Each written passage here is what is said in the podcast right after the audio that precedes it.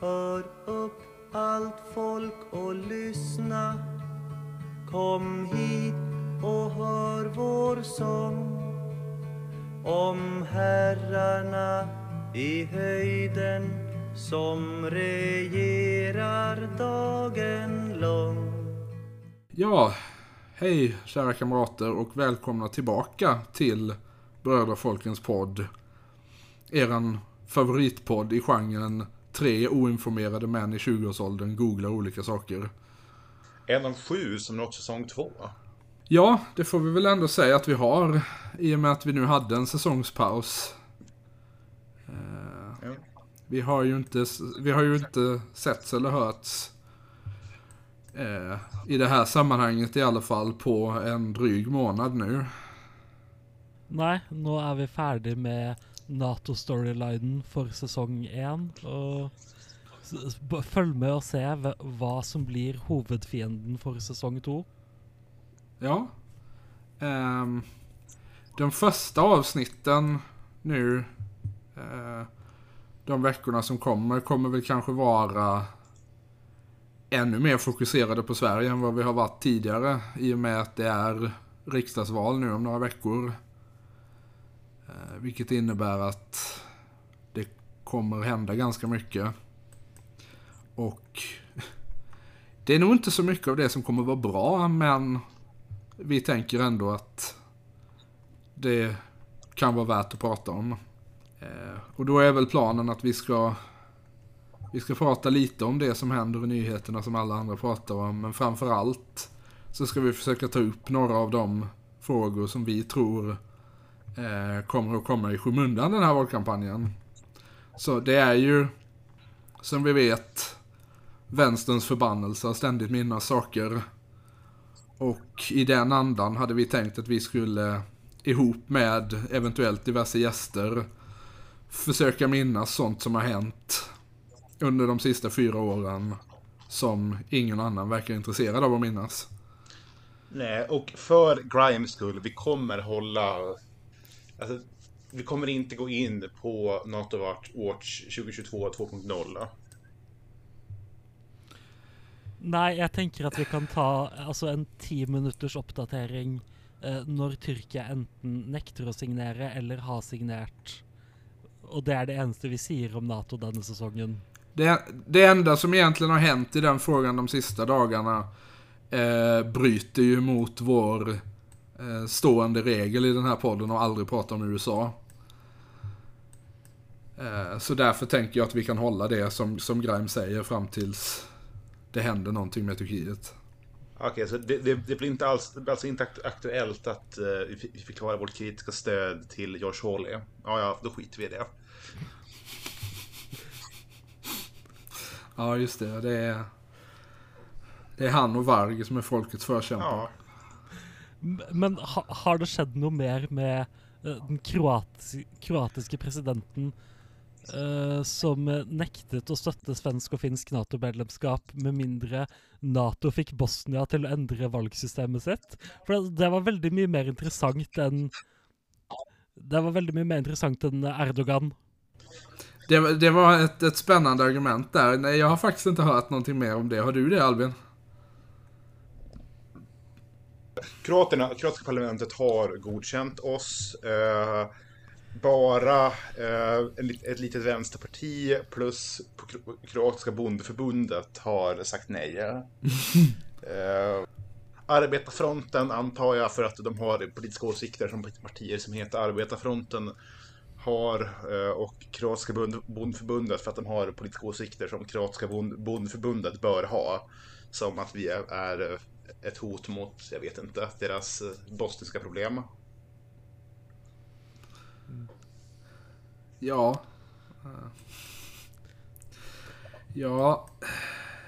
Jeg, jeg- jeg kom på for noen dager siden at det hadde vært veldig gøy hvis Polen plutselig var mot uh, fram til eh, Sverige betalte x antall milliarder i oppreisning for eh, diverse kriger på 1600-tallet. ja, Och, och där, sen, där måste vi ha, drag, ha dragit gränsen. Jag tror att jag har väl gjort min åsikt väldigt stark här att Sverige har ingenting att be om ursäkt för, för någonting som hände före 1905. Polen förtjänade det. Ja, men Polen som har slagits hårdare. Ja, alltså är det ett europeiskt land som bör kunna ta lite skit nu och då? De lär ju ha vant sig.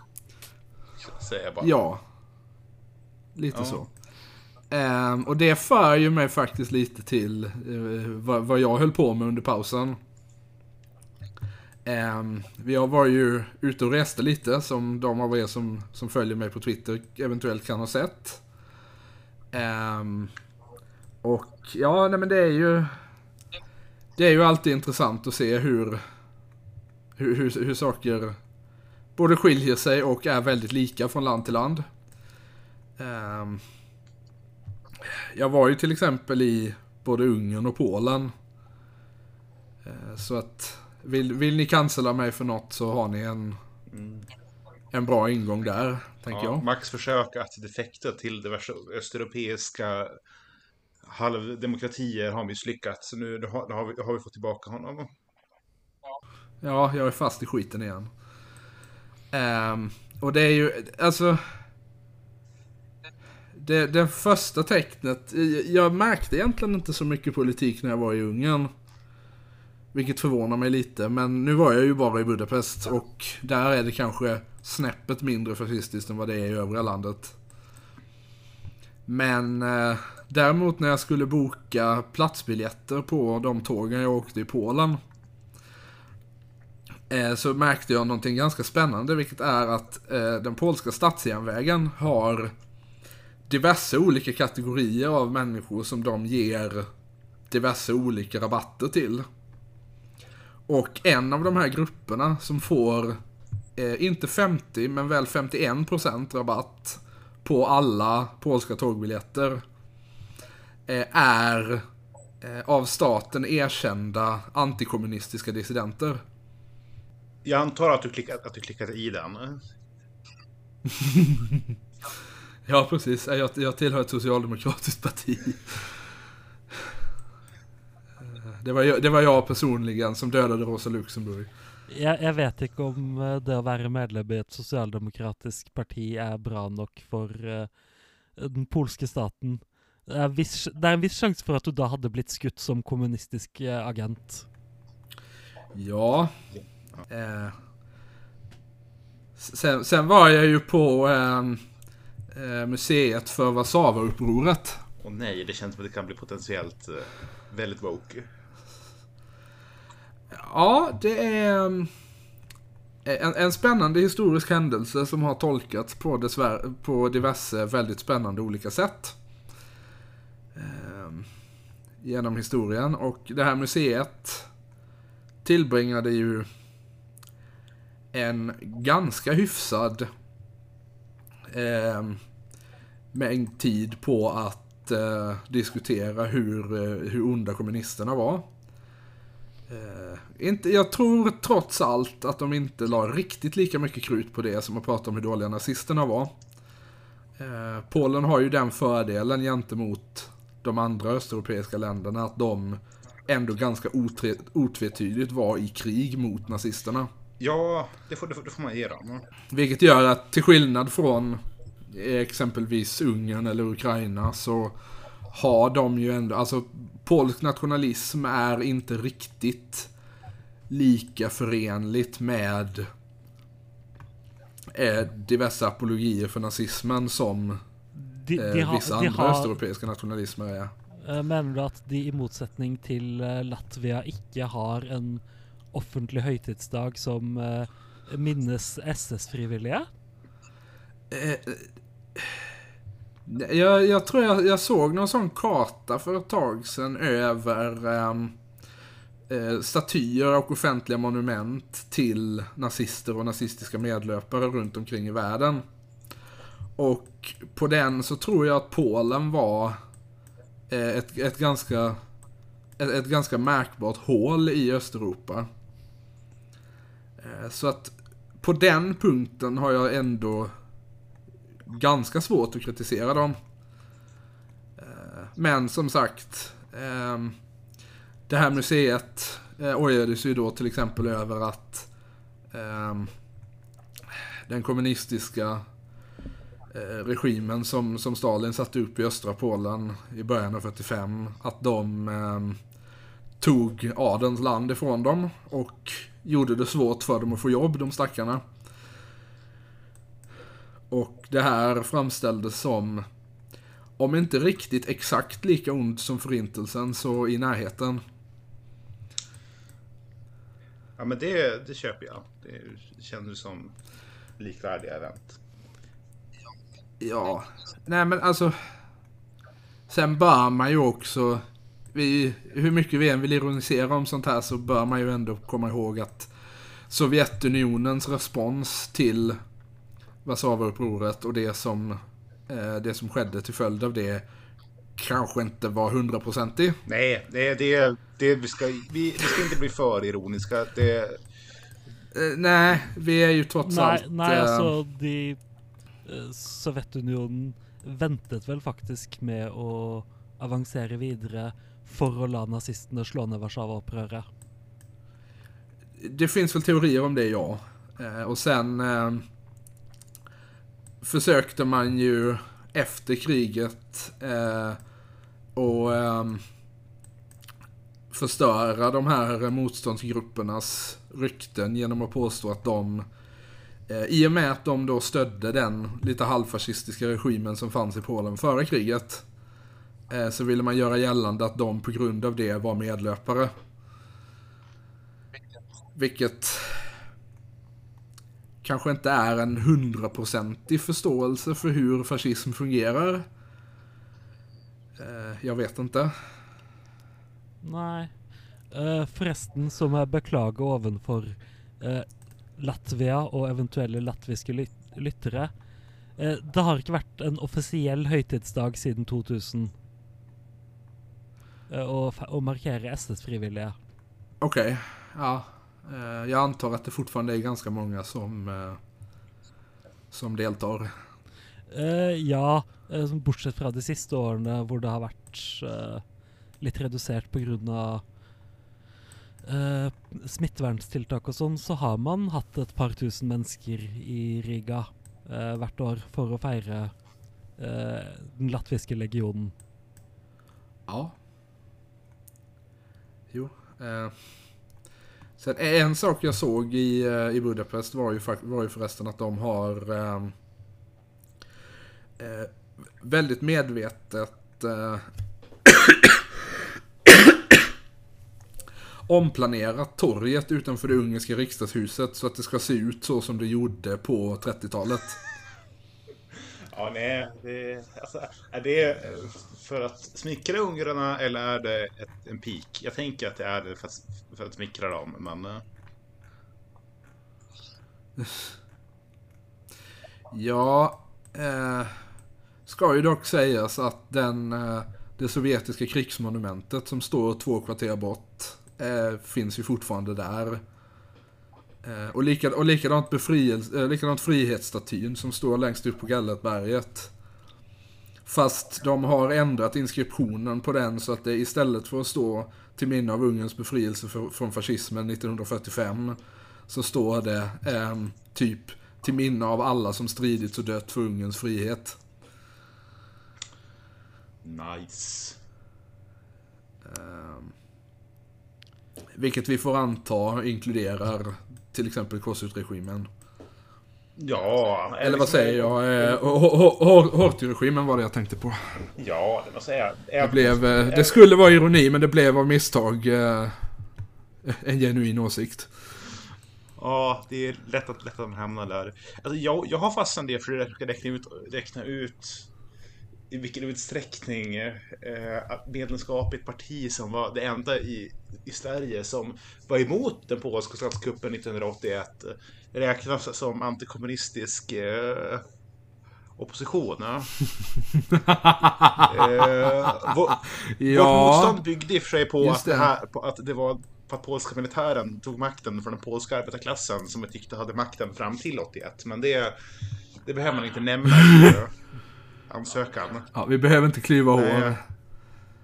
Nej, Det bör ju nämnas i samband med eh, det där med Polen på 80-talet så bör det ju nämnas att det finns en, eh, en huvudgata i Warszawa som heter Aleja Solidarności. Med reservering för mitt uttal. Eh, alltså eh, Solidaritetsallén. Men eh, ordet solidaritet eh, står inom citattecken. Bara så att man ska vara 100% säker på att det är döpt efter eh, rörelsen och inte det abstrakta konceptet solidaritet. Ja, ja, nej, men eh, sånt... För det är, det är ingenting den polska staten ligger bakom Nej, nej, idag. nej.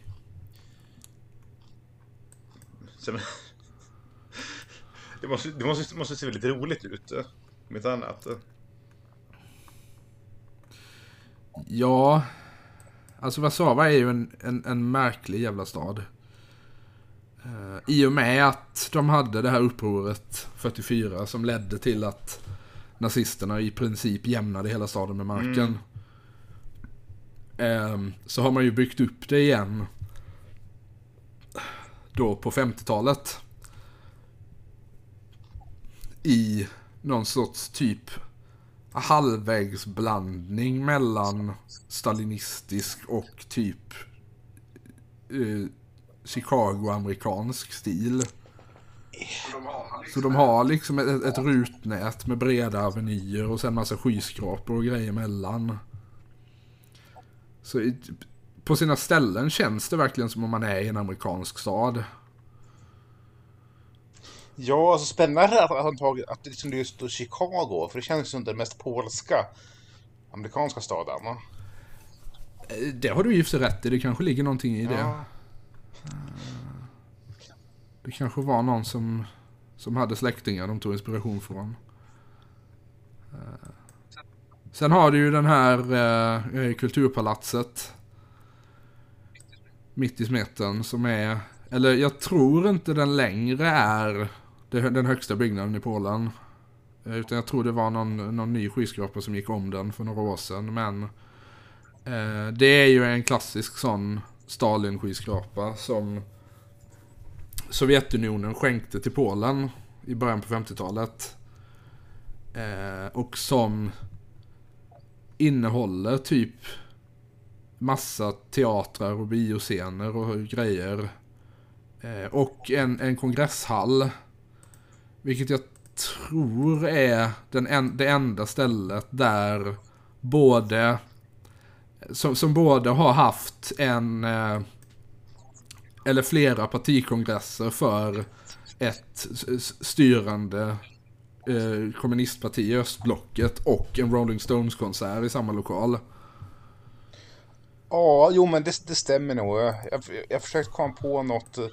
Jag, jag har inte, jag har inte fact-checkat detta men jag tror att det, det skulle förvåna mig om det finns något annat exempel. Nej, alltså enda ens liknande jag kan, jag kan tänka mig det är att eh, franska kommunistpartiet brukar hyra ut sin stora fina part, partilokal till olika events eh, för att typ täcka upp. Ja just det ja, den som är, den som är ritad av Oscar Jo, Niemeyer. men de, eh, de, de, de faller ju bort på dels antagligen Rolling Stones och dels så sjabblar de bort sin chans 68 och det, och det vart inget. Ja. Ja, nej, du vet att, att folket kan inte segra till fiendens musik. Nej, det var väl där det gick åt helvete då igen. Och, återigen så får, så får 70-talsmaoisterna rätt. Tyvärr. Ja. Det är... Det är bara en lång... Det, det är som, eh, som de beskriver, ungefär som de beskriver julen i Svensson Svensson avsnittet. Det är en enda lång utdragen väntan på det utdragna folkkriget. Och där fick jag bingo. Och så kan vi gå... Yes, vi, vi, vi har vært tilbake i 20 minutter og har Ja. allerede klart å komme tilbake til uh, til, til maoisme og Gonzaloismen. utdragen fol folkekrig. Ja. Mm. Eh, och eh, vill jag också påpeka, eh, Varg har också redan nämnts Jo, jo, eh, så klart. I förbigående, men ändå. Jeg, jeg tror faktisk Twitter har stengt alle kontoen hans nå. Det er ganske trist. Nej. Nej, det var då fan. Det är kulturskymning detta. Ja. Du får, eh, du får skriva ett klagomål. Ja, nej men... eh, Det där kan ju kanske vara ett bra... eh, Ett, ett, ett bra sorts startskott för att gå över till eh, det vi gör i väntan på det utdragna folkkriget. Eh, Nämligen eh, ytterligare en svensk valkampanj. Som ju... Jag skulle nog vilja säga att den är igång Jo, men nu är den igång. Det är ju alltid lite... Lite diffust när en svensk valkampanj egentligen börjar. I och med att vi inte har några sådana grejer som finansieringsregler. Eller sånt som skulle tvinga partierna att säga att nu har vår valkampanj börjat. Eh, så att på ett sätt kan man väl säga att den tog sin början lite smått redan i våras. Och på ett annat sätt kan man väl säga att den har pågått sedan förra valet. Eh, och man, Men men nu är den igång, typ på riktigt. Så. ja, eh, det var ju ja, så, så, så sent som tidigare idag, alltså torsdagen den fjärde när vi spelar in detta. Eh, hade ju Socialdemokraterna en presskonferens på Sveavägen 68 där de eh, avslöjade sin valkampanj och eh, eh, sin valfilm också, vilket förvånar mig lite för jag trodde den redan kom i Ja, våras. alltså, var, in, var inte den med Magdalena Andersson i simhallen? Eh, det trodde jag också, men tydligen har de gjort en ny nu. Eh, denna är lite kortare. Eh, och vill jag påstå ännu mer intetsägande. Är det mer av eh, Magda i som pratar? Pratar, vad, vad annars skulle hon göra? Ja, ungefär så. Eh, och eh, säger egentligen väldigt lite. Eh, åtminstone som vi inte redan visste. Men det är ju kanske inte riktigt det en valfilm är till för i första, i första hand. Så att det kan jag väl någonstans ändå förlåta. Um, hon börjar videon med att säga att ehm, Eh, Vi behöver anställa fler poliser. Så att en, en, en stark start. Eh, Men säger sen typ att eh, det inte är det enda utan att säga vad vi behöver göra mer än så. Eh, Och att alla behöver delta i samhället och så vidare och så vidare. Allt det här vanliga. Vi lever i ett samhälle. Ja, men ungefär. Ja, Magdalena Andersson har förvandlats till Jokern.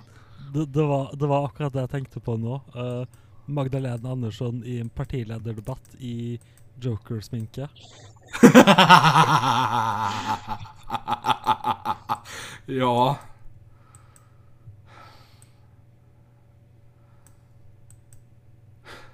Ja, vad ska man säga? Jo, det skulle vara något att se. Ehm. Jag har bara en fråga till dig Ulf Kristersson och det är Why so serious? Det var, men, eh, Jag tror, jag tror, jag skulle, skulle jag gissa så skulle jag säga att min eh, Magdalena-imitation var bättre än min Joker-imitation. jo, jo, men alltså din imitation Magdalena Andersson som gör en Joker-imitation var mycket stark. Eh, Ja, vi får, vi, får, vi får be henne så att vi kan kontrollera. Ja, nej men jag känner, eh, jag, jag tror ju att om högern vinner valet, då kommer det där vara Magdalena Andersson liksom, tidigast. Eh, liksom, det- senast i november så är, så är, är hon ju där. Ja, så är hon fullständigt Jokerfierad. Ja.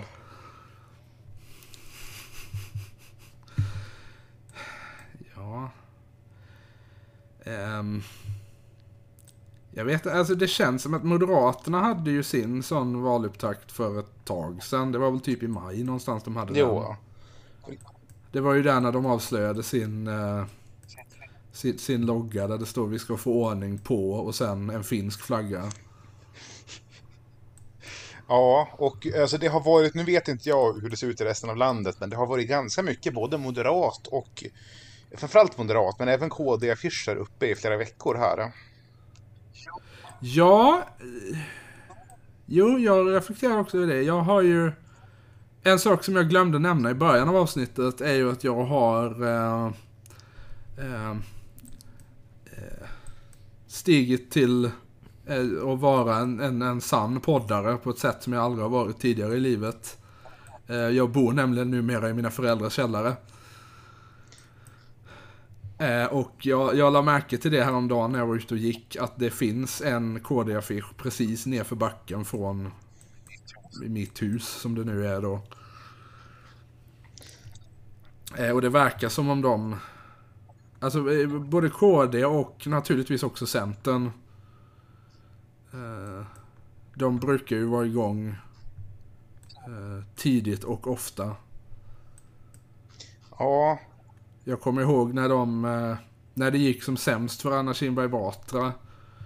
Om det kan ha varit 2016 cirka. Så hade ju de redan då i princip satt upp affischer som om det vore en valkampanj. Men hon behövde ju få vara på affischer någon gång. Så det, det, det tycker jag var rimligt. Nej men jag menar eh, Centerpartiet Jaha, ja, du menar där. Okej, valkampanj. ja. Ja, det var ju, på, det var ju de eh, två månaderna där det såg ut som om Centerpartiet var på väg att bli det stora högerpartiet igen. Vilket är svårt att tänka sig bara så här fem år senare. Ja, det var, det var spännande dagar. Jag- ska, jag ska inte säga bättre dagar, men spännande. ja. Ja, För övrigt så tycker jag ju att Centerpartiets nya nya grafiska profil kan vara bland det sämsta jag någonsin har sett. Eh, Jag tyckte inte om den som var innan heller, men den såg i alla fall ut som om den var gjord av någon som får betalt för att göra grafisk design. Eh, Den här nya är verkligen... ja nej, den är, den är, den är, är lite deppig. Ja. Det ser, det ser ut som en powerpoint från 2006. Ja, tänk, alltså, tänker du den här nya symbolen? Ja? Ja, både det och liksom typsnittet och allting Jo, runt omkring. nej, alltså det har...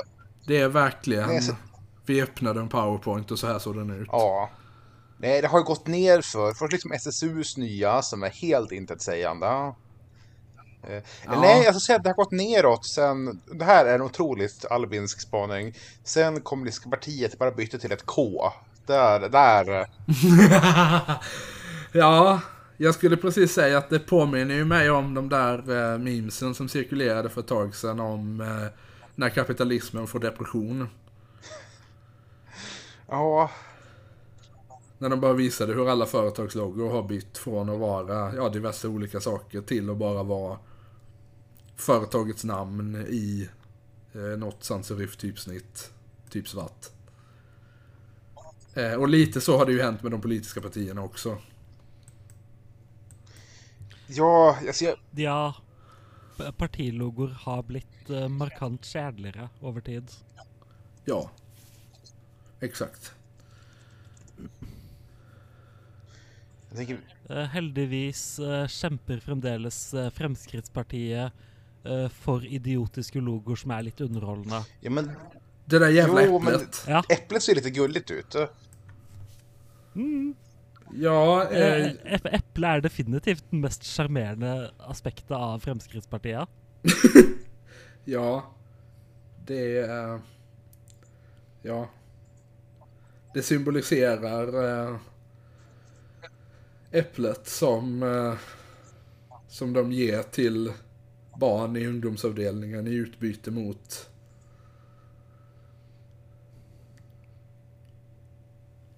Jag avslutar den meningen där.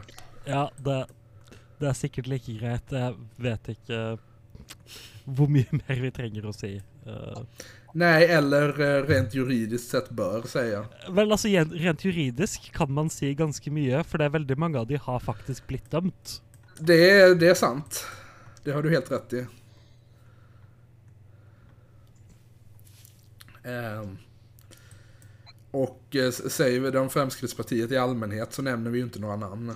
Nej, Nej. och man kan nog inte förtala en, organisa- en organisation för att begå brott. I alla fall inte de brotten, för de kan inte begås av organisationer. Nej, nej, det är ju svårt att säga att... eh, att Fremskrittspartiet som parti misshandlar barn. Nej, fr- framförallt, alltså, framförallt det, det är inte ens med i, i regeringen. Det är ju helt omöjligt. Hör, hör, Nej. hör ni det, norska, liksom, norska domstolar? Vi, vi, här begås inga brott. Det är för övrigt roligt, apropå det där med att vara med i regeringen eller inte. Eh, ja, du Albin har säkert sett den, men vet du Graim vad Socialdemokratiernas valslogan är? Eh, nej. Eh, Vårt Sverige kan bättre.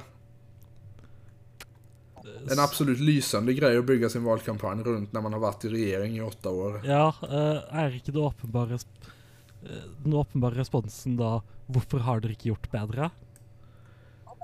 Ja, det, det kan man tycka. Men det finns fortfarande stenar som inte har vänts. Så vi vet inte exakt hur det ska bli bättre än. Ja, just det. ja. Men alltså det finns ju, alltså. Inom socialdemokratin finns det ju fortfarande ett ganska starkt offerkomplex inom det, i, i relation till det där att man man inte har haft en riksdagsmajoritet för i princip någon av sina regeringar och därför De räknas inte. eh, har, har sagt sig inte kunnat göra diverse grejer. Eh, och det är väl där, det är väl det grundantagandet man har utgått från när man har utformat sin valkampanj. Men har de tenkt over at de skal forsøke å overbevise mennesker som ikke er medlem av Sosialdemokratene? Det är ju inte någonting man traditionellt sett har inriktat sig på i socialdemokratiska Nej, valkampanjer. och som konstaterades i våras, det är ett brett parti. Vinner man med sig alla medlemmarna i valkampanjen, då har man, då har man nog, nog egentligen vunnit en majoritet på riktigt. Just det, då har man folket. Så hvorfor har man egentlig riksdagsvalg i Sverige? Eh, hvorfor kan man ikke bare ha en ettpartistat i og med at uh, sosialdemokratiet er en bred folkebevegelse? Ja, alltså vi kan ju göra någon form av... Eh, ja, men någon form av, eh, av samlingsfront. Med socialdemokrater, miljöpartister och de grenar av Centerpartiet som är intresserade av att stödja en socialistisk samhällsomvandling. Och så när vi, när, i och med att vi genom bildandet av den då har eh, representation för en majoritet av samhällsklasserna. Eh, så kan vi helt enkelt göra så att vi tilldelar de grupperna ett visst antal mandat. Och sen presenterar vi en gemensam lista som kan stödjas, som kan, som kan ges stöd av folket i ett allmänt val och därmed visa eh, det svenska folkets enhet bakom den socialistiska idén. Ja, och så, jag, jag känner också att samlar vi den, den, liksom, den, den svenska folkfronten, då har vi också samlat alla samhällsklasser som- som betyder någonting. Arbetarklassen, bondeklassen, intelligentian, småborgerligheten och den patriotiska delen av borgerligheten. Då har, vi, alltså, det, det, då har vi skapat folkdemokrati. Ja. Vi behöver, vi behöver, alltså, vi behöver alltså också grunda ett nytt parti som ska representera före detta SDR. Ja, nej, jag, tänk, jag, tänker, jag tänker väl mer att det här är, det, att det är skogsindustrin som är den bra delen av borgerligheten i det här scenariot. Och de får... Och, Ja, ja, ja. Och de får. Jo, just det. Våra, Eh, ja, ja, våra, jeg, patriotiska markutvinnare. jeg, jeg tenker at man kan heller ha sånn kort liten borgerkrig, og så kan resten av SD flykte, flykte til Gotland. Ja, Ja, nu kommer vi farligt nära att diskutera USA igen. ja, Ja, ja de, eh, Pelosi har jo vært i Taiwan. Eh, ja, och det är ju... ett- Jag skiter väl i vad, i, vad, i, vad, i vad Kina tycker om det, men det är ju jag, tycker det är orimligt att, hon, att, Taiwan, att taiwaneserna ska få utsättas för världens äldsta kvinna. På det här sättet. eh.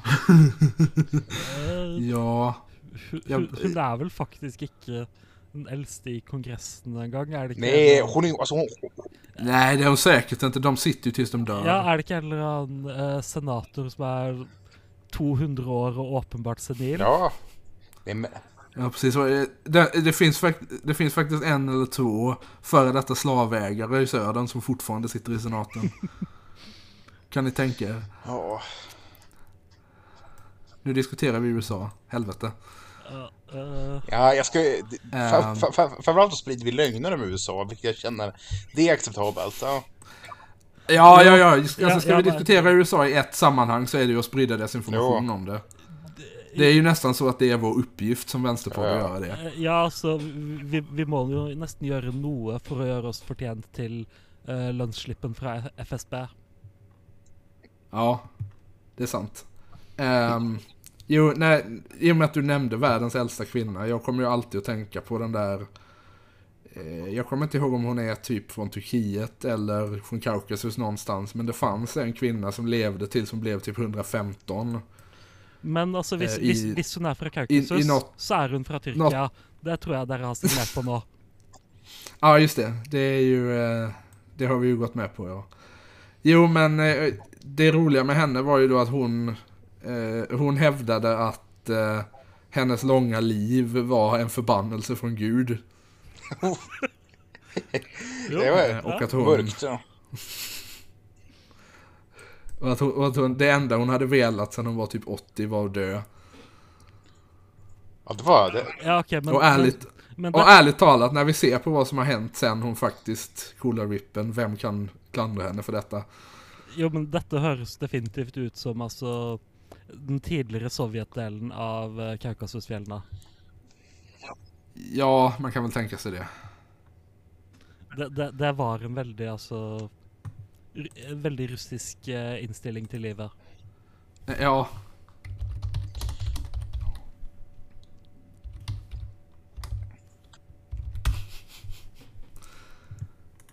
Jag ser nu, eh, jag höll på och googlade detta.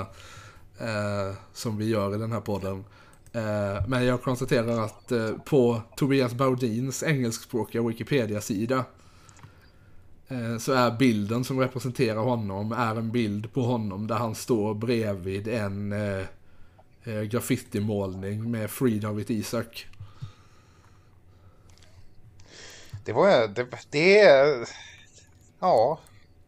Ja. Eller?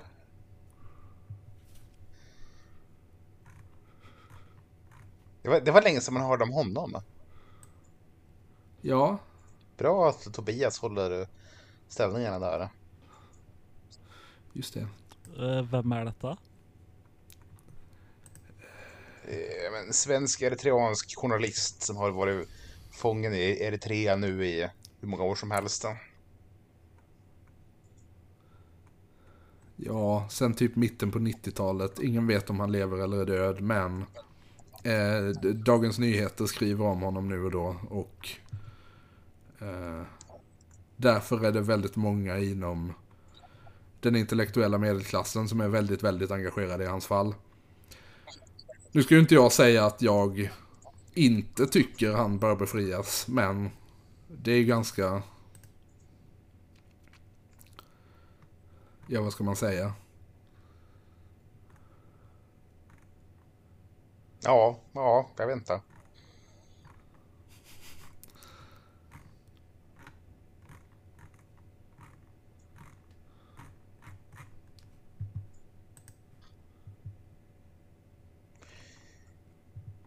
men medan vi jag är fortfarande inne på ämnet eh, socialdemokrater som gör mig specifik, specifikt mig arg.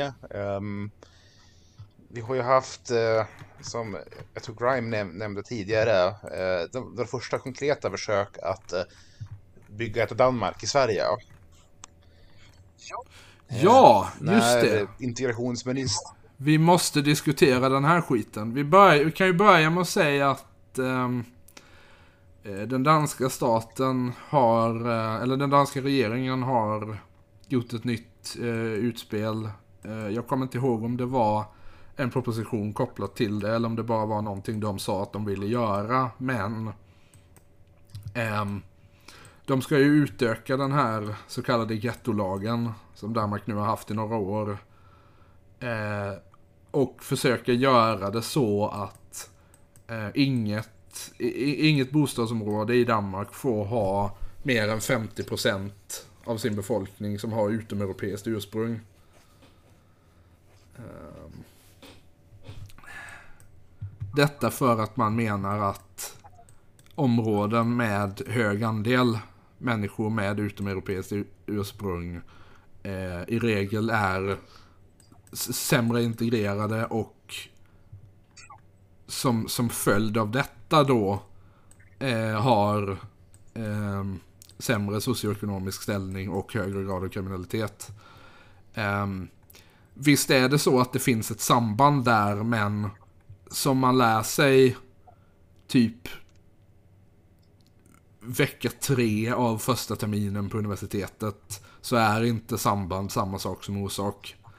Och det är ju ganska uppenbart för den som tänker på detta i mer än fem sekunder att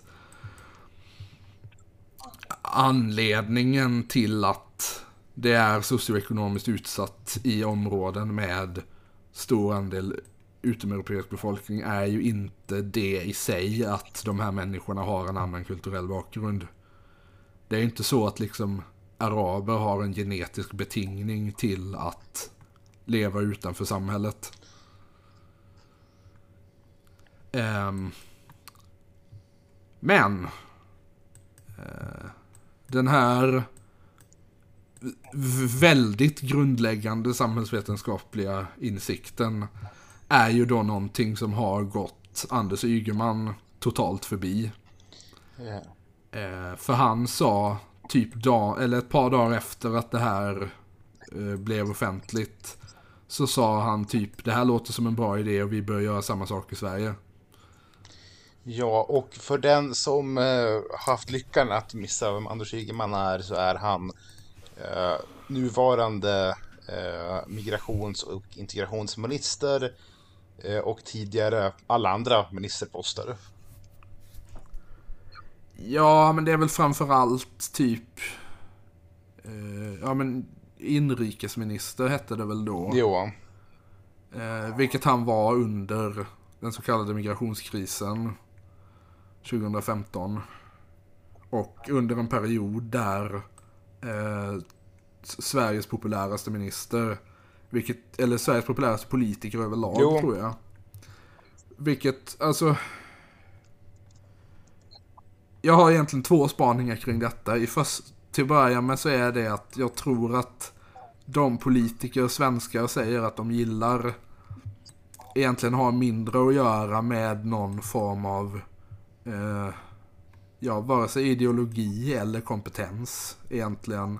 Och mer att göra med vilken minister de senast har sett på tv säger de något lugnande. Vilket jag liksom ändå köper, alltså det tycker jag är ganska rimligt. Ja, men någonstans är det väl det. Alltså man, man bör ju alltid komma ihåg när man pratar om politik, oavsett vad man pratar om och från vilket håll, att den, den stora majoriteten av befolkningen är egentligen ganska ointresserad. Eh, och det är liksom någonting man alltid behöver ha i bakhuvudet. Åtminstone när man pratar om politik i en demokrati. Att de flesta människor ser inte på politiken på samma sätt som de som är intresserade av den gör.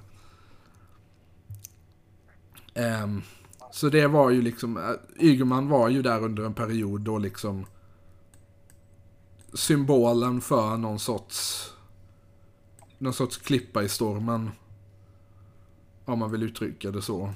Eh, trots att det regeringen gjorde under den perioden eh, knappast var särskilt moraliskt uppbyggligt. I min mening i Nej. alla fall.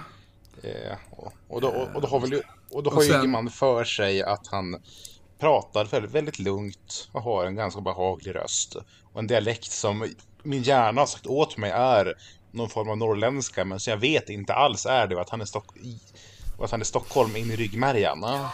Ja, men alltså han är ju liksom... Han är ju liksom stockholmare utan att vara så mycket stockholmare att folk inte tycker om honom. Precis, ja. Lite som typ... Ja men typ GV är väl ganska lik i sin... Ja, nej men sävliga socialdemokrater. Ja. Och det för ju mig till min andra spaning här, vilket är att den politiker som är populärast i ett visst land ganska ofta är den politiker som mest utpräglat överensstämmer med stereotypen om hur en politiker från det landet ska vara. Ja, Du hade ju Ygeman i Sverige. Det här, det här kanske inte stämmer riktigt lika bra som det gjorde för några år sedan. Men i en period där så var det Ygeman i Sverige. Eh, Mélenchon i Frankrike. Eh, Wolfgang Schäuble i Tyskland. Eh, och eh, det här är väl den delen som har åldrats sämst med Boris Johnson i Storbritannien. jo, men alltså det, det, går, det, det går ju bara så långt tills det inte går längre. Ja. Ja. Jo men lite så. Ja, det- men anledningen till att vi kom in på Ygeman är ju nu för att han eh, tycker att Danmark, yes. Ja. Ett land utan problem. Ja, eh, och nu har blivit är väldigt ledsen och upprörd i media över att han har misstolkat så av illvilliga tolkare.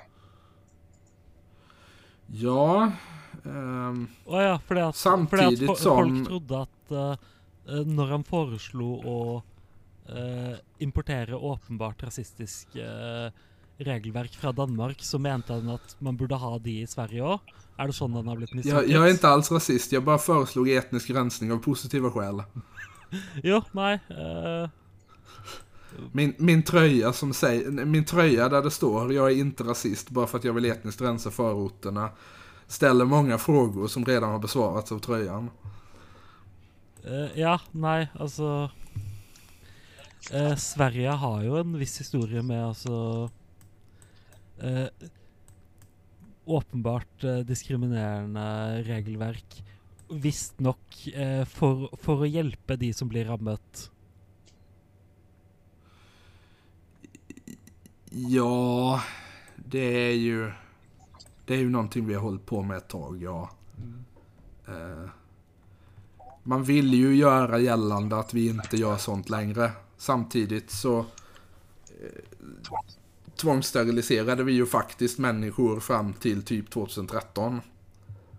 Eh, det här är någonting vi förmodligen kommer prata om i ett av våra framtida avsnitt.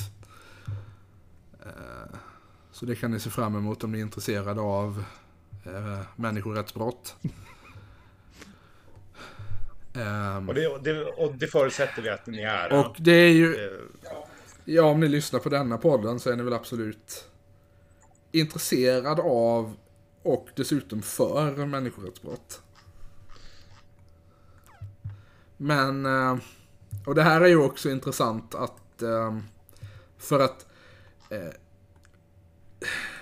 liksom varenda jävla gång en socialdemokratisk minister säger något idiotiskt så har ju då åtminstone en del av det som finns kvar av eh, partiets pressmaskineri eh, dragit igång och försöka försvara honom. Eh, och till och med ge honom medhåll. Och eh, det argument man, gör, man har använt, åtminstone på sina håll, för att göra det här är ju att eh, det Ygeman ger uttryck för är som man, ett uttryck som man förbluffande nog fortfarande använder i Sverige. Eh, klassisk social ingenjörskonst. Ja, ja, ja, men då så. Då, Och att- då. Vad, vad, Att de, de som är emot de som är emot detta är emot det för att de är liberala. Och inte tror på samhällets makt. Eh, altså, Jeg skal innrømme at jeg er ganske liberal på hvilke etniske grupper som får lov å bo hvor. Det, det, det tenker jeg egentlig ikke staten trenger å blande seg i. Ja, alltså... jag hatar ju att stå på samma plattform som Luff, men just i denna frågan kan jag väl ändå tycka att de har, är något på spåren. Ja, men alltså, så länge man inte ligger med liken som- som är, är på plattformen så blir man inte smittad. Eh, ja, nej, men jag, jag tycker det är fantastiskt att vi nu att Sverigedemokraterna nu, nu har anammat Nej, Socialdemokraterna nu har anammat Sverigedemokraternas eh, självbild. Det finns vi och det finns liberaler. Ja, det är ju inte bara det man har anammat från Sverigedemokraterna dessvärre. Nej, nej. Eh, Men det ska ju också, man ska ju också påminnas i det här sammanhanget om att Magdalena Andersson gjorde ett utspel för några veckor sedan där hon eh, mer eller mindre sa rakt av att Sverige behöver eh, inrätta koncentrationsläger för flyktingar. Så att den här regeringens eh, deltagande i, i kolzonen är ju inte begränsat till Ygeman. Nej, nej, nej. Det är... Utan, Och det är värt att komma ihåg också att Ygeman är ju en av representanterna för vänsterfalangen i regeringen. Va- Hæ? ja, det, det, det är han och Morgan Johansson, precis. Det är de som, det är de som eh, tillhör den traditionella... Det tradi- gammal klassisk socialdemokratisk Ja. politikvingen. Ja, Ja, nei, klassisk, det klassisk altså- sosialdemokratisk politikk som etnisk rensning. Jeg vet faen, det, det er jo faktisk til en viss grad klassisk sosialdemokratisk politikk. ja, det är kanske inte någonting vi...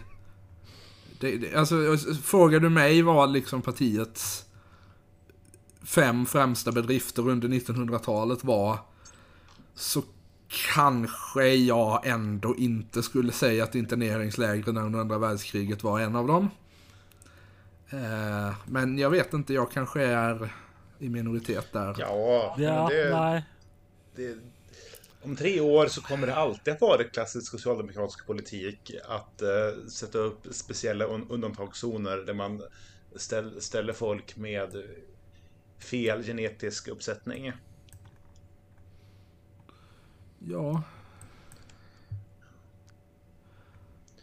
Ja, ja, ja nej, ehm, men som ni hör, allting går väldigt bra. Vi är var- alla väldigt glada. Ehm, Vi, kom ihåg det, vi lever i den socialdemokratiska slash vänsterliberala utopin. vi, Det, fin, det finns inga sociala problem i Norden och allting går good bra. vibes only. Så att eh, amerikaner som är irriterade på eh, sitt land flyttar absolut hit. Det finns inget fel med det. Eh, regnes eh, amerikanere som altså eh, Utomeuropeisk bakgrund. Ja. Ja, ja, det är ju faktiskt en intressant fråga. Ehm, jag vet ju att... ehm, For, det, un, for det un, Dan- under den danske loven gjør det vel ikke det? For det, det eh, bakgrunn? eh, som har Ja, det kanske det är. Oavsett så var de ju väldigt, eh, väldigt snabba med att konstatera att alla de här lagarna de har stiftat kring flyktingar inte gäller ukrainska flyktingar. Ja. Eh, vilket ni säkert kommer ihåg. Eh, ja, ja, altså all, eh, alle gjorde vel det når krigen brøt ut i Ukraina, bortsett fra Storbritannia, som var konsekvente. Ja, exakt. Det var väl de som var undantaget.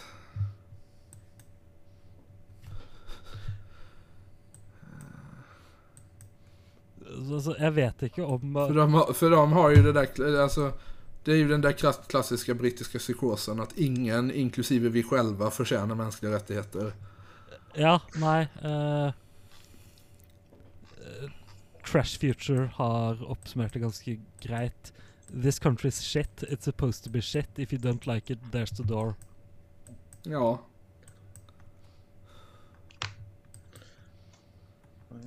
Sen i lite, Men- ro, lite marginellt ro, roligare ny, ny, ny, nyheter. Eh, Kristdemokraterna har startat, startat ett bondeförbund. Just det! det! Det här kan vi ju avsluta med då i och med att det inte är riktigt lika eh, existentiellt förkrossande som det vi pratade Nej. om innan. Eh, Det heter Ehm. eh, Kristdemokratiska bondförbundet, vilket är ett väldigt starkt namn för något sorts allmänborgerligt svenskt parti, typ 1970.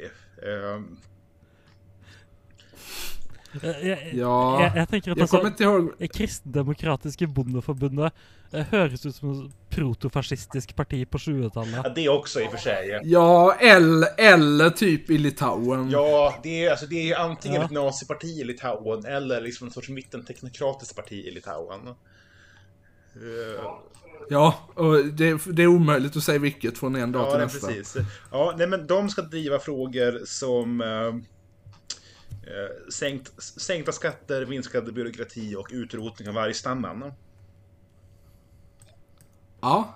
ehm, klassiska, klassiska bondefrågor som minskning av byråkratin, ja.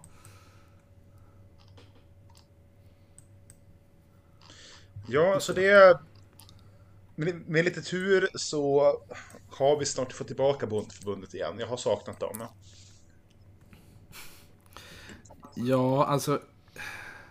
Jag hade ju lite hopp i kroppen när jag såg att eh, eh, Centerpartiet i Skånes valslogan, åtminstone nu i våras, var skånsk mat en del av totalförsvaret. Ja, men, ja nej, det, det är starkt. Det är väldigt starkt. Det gillar jag. Jag, jag tycker, det, Ja. jag tycker det, det kändes som ett tecken på att det gamla Centerpartiet var på väg tillbaka. Ja, men altså å be- Eh, begynne å snakke Jag vet inte hur väl det stämmer. Eh, Snakk om altså eh, lokal matproduksjon som et eh, altså, nasjonalt sikkerhetsspørsmål er jo det, det, det er jo altså klassisk eh, nordisk eh, bondeparti-vibes. Ja, det är det verkligen. Det är ingen som kan säga något annat. Eh, vi har en lignende sak eh, i Norge for tiden òg. Eh, regjeringen har forpliktet Ja, seg just det. Hur går det för norska Centerpartiet nu? Eh, det er en stund siden jeg sist så meningsmålinger, men de er foreløpig fremdeles over sperregrensen. Okej, ja. Så altså då kan det gå värre med andra ord.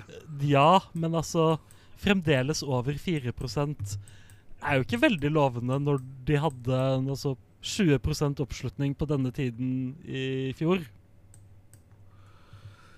Nej. Det kan man väl inte påstå.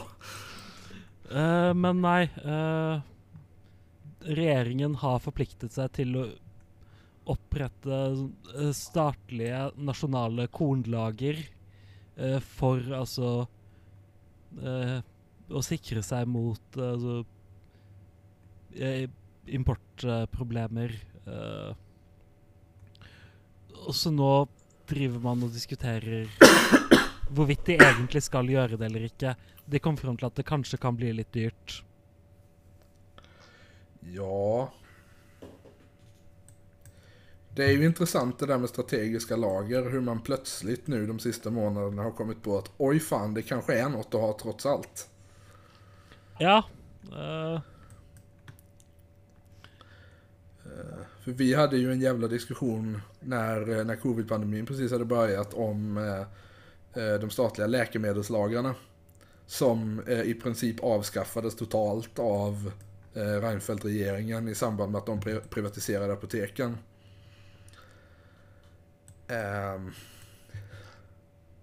Och ja, nej men det är ju det där klassiska eh, nyliberala att vi, vi älskar och så men vi hatar att skörda.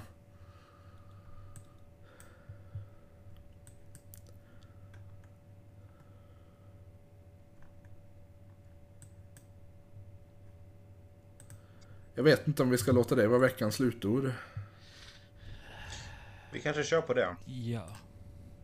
Ja, vi kan vel det. Jeg kommer ikke på noe mer å snakke om. Nej. Och ehm, som vi konstaterade, bondepolitik är ändå lite mindre deprimerande än eh, fascistifieringen av hela det svenska partilandskapet från vänster, eller nästan hela det svenska partilandskapet från vänster till höger. Ja.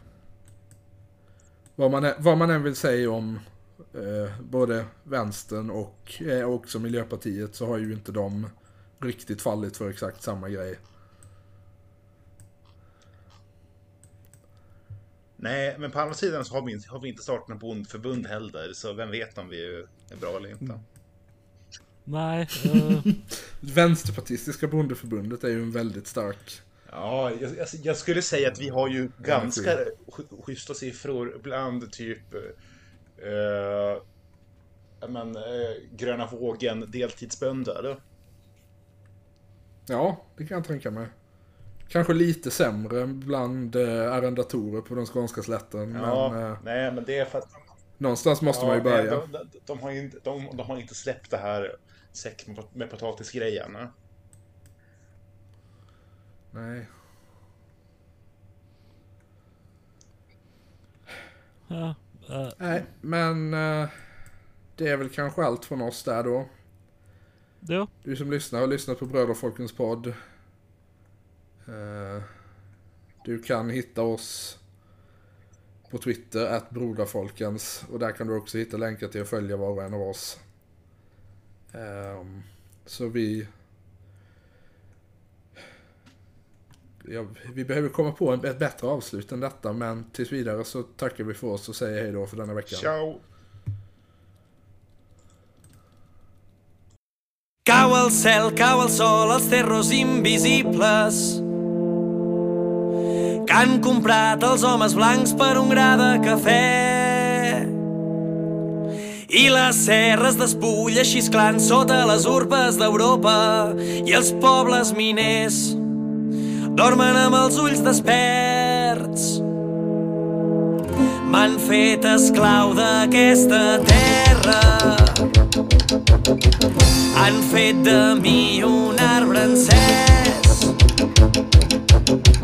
He fet del silenci una guerra. He après a viure sense res. Yo soy campesino puro y no empecé la pelea.